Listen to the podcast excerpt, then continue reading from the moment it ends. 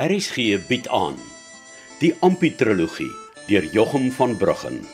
Vry vir die radio verwerk deur Eben Kruiwagen. Deel 1. Die natuurkind.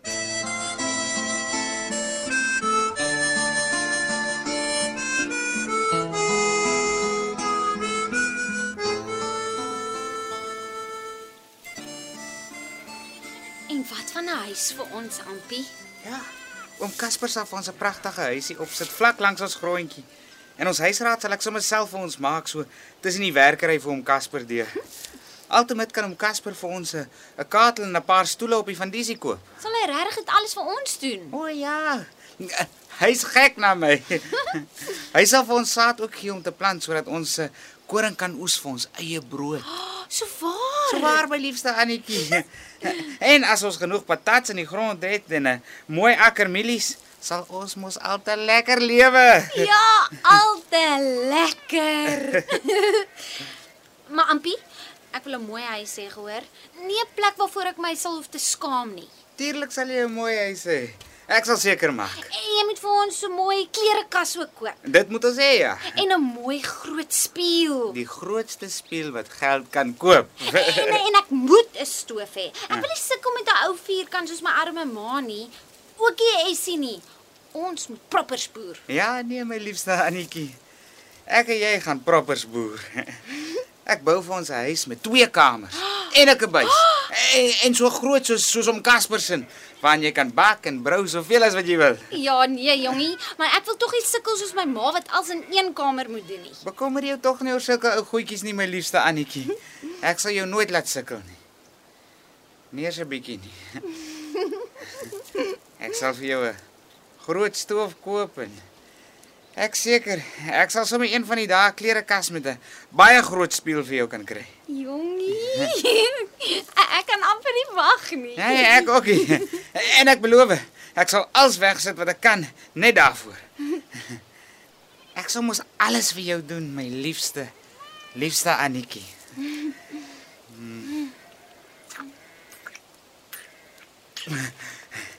Ja. Ja. Voel of ek sommer nou vir jou op die plek saam met my kan vat. Ampie. Ampie. Hm? Ek moet nou loop. O, ons is heel verspot met al hierdie praatjies. Nee, nee ons is nie. Ek kan jou mos nie nou laat los nie, Annetjie. Huh? Bly bly net nog 'n rukkie asseblief. Kom, kom kom ons twee van die pad oor die Swartberg en ga- en gaan bly waar niemand ons kan pla nie. Nee, jongie, nou praat jy te rondom bond. Dis tyd dat jy loop. Oom Casper sal jou in die pad steek as jy langer bly. Ek gee nie om nie. Bly by my. Toe. Bart, hier's ons. Joe! Ons het klaar gepraat. Nee man, Annetjie asseblief. Kom groet my Ampie. Hier kom Bart.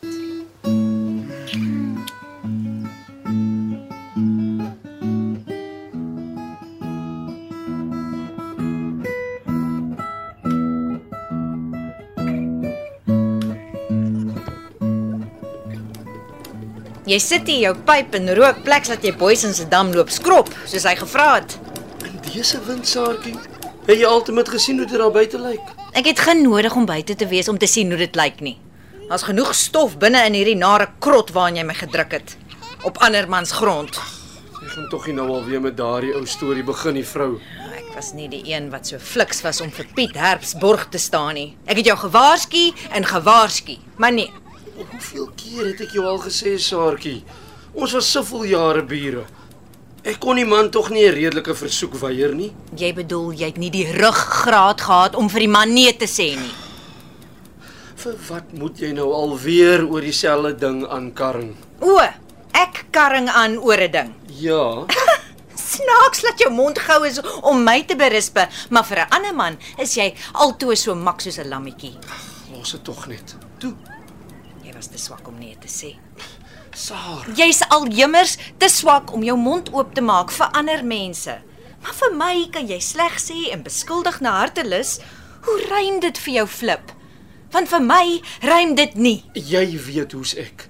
My hart het om teen die hele gedagte van borg staan verset, Saartjie. En ek het dit vir jou gesê ook. Maar jy het nie vir my gesê hoe jou erfdeel by die dag krimp nie. Al jou raas en skel oor hoe die man van jou verwag om dinge te doen wat jou kwansy's teen die bors stuit, was net om my in die duister te hou oor oor wat jy my beloof het. Jy sal nooit doen nie. Wat wil jy dan nog hê moet ek doen? Ek het jou gesê ek's jammer. Ek het jou om vergifnis gesmeek. Ek het gesê ek sal doen wat ek kan om ons weer op ons voete te En kry. ek het gesê ek sal jou nooit vergewe vir die verknorsing waarin jy my gedompel het deur jou slegheid nie. Jy het ons in hierdie ellende ingesleep. Ons eie grond, ons huis, 'n 'n wa en osse als als het jy deur broekigheid weggesmy. En vandag moet ons ander mense in die oë kyk. Ek, 'n dogter uit 'n goeie huis. Vandag 'n bywoner. Saar. Jemmelsnaam. Ja, tog. Laat ek liewer my kind gaan help met haar voorstelklere as dat ek hier bly staan waar jy net my siel versondig met jou ewige vatsigheid. Jy druk my plat, Sarah. Jy mergel my uit. Dis net in my werk wat ek rus kan kry. Nou loop, werk dan. Nee, of Casper sien my waarde. Hy sê dit vir my. En hy weet hy kan op my pyl trek. Maar met die ellendige Augustus wind sê selfs neef Casper dis nie 'n tyd om 'n dam te skrop nie. Daardie wind sny tot in jou murg en jou bene verbrand as die modder op hulle droog waai. Neef Casper reken dis aangenamer binnenshuis. Maar hy ken nie die binnekant van hierdie huis nie.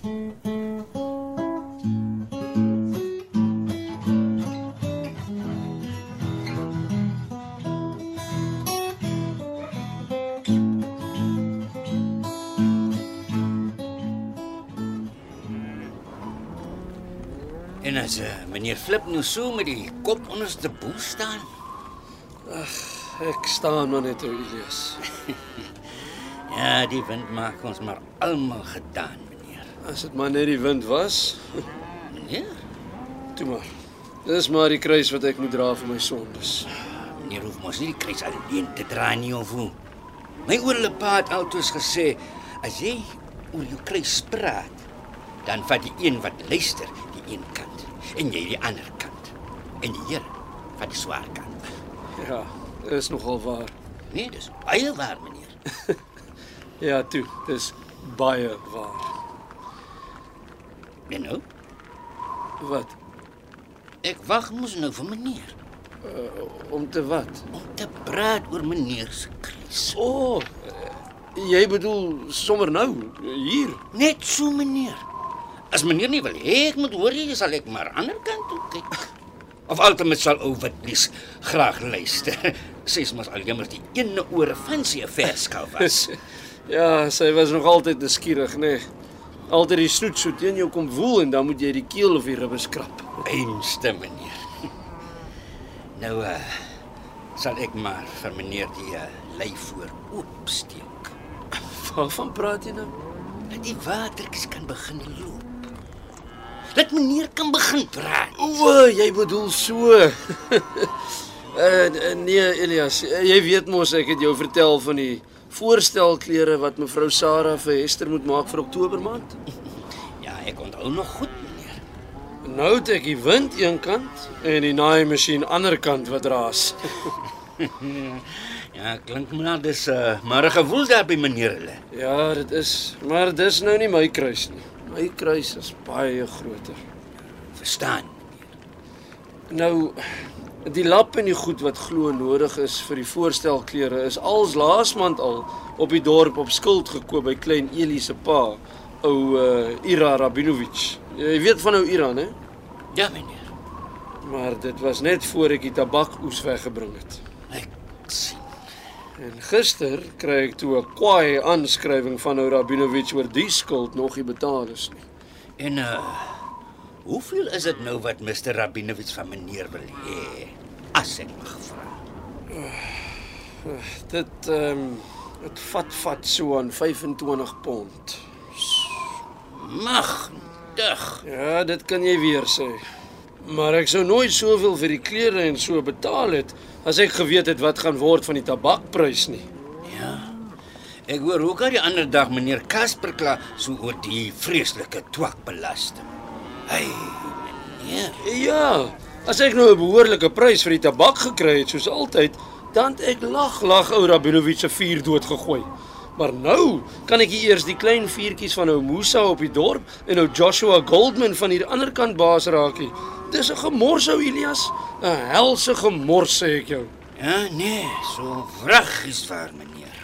Daar's Hester maar nou net 'n vermoënde jongetjie kan raakloop met die aanneme.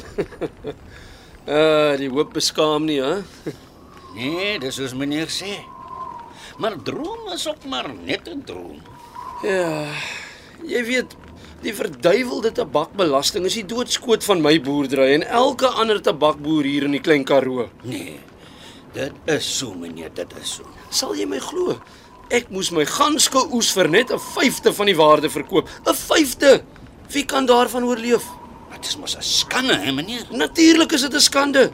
Ek weet nie wat dink Smits doen hy nie, maar hy doen die boerbedryf geen gunste nie. Hy sien hoe loop mense van hulle plase af. Hy sien hoe verloor mense alles wat hulle het, maar hy neek voort. Ai, meneer. Ek kon nog 'n skaflike bestaan gemaak het hier by meneer Casper, maar nie met so gesukkel nie.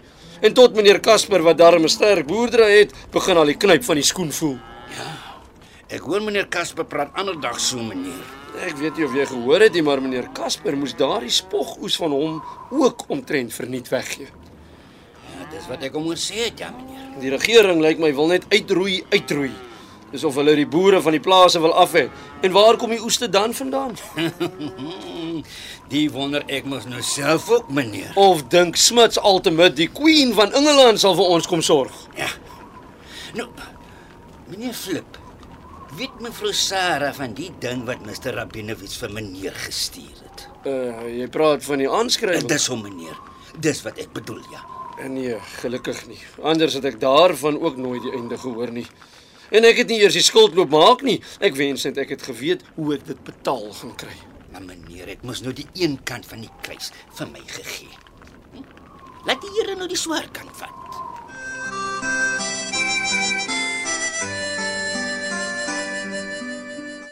Dit was Ampi, die natuurkind, deur Jochum van Bruggen.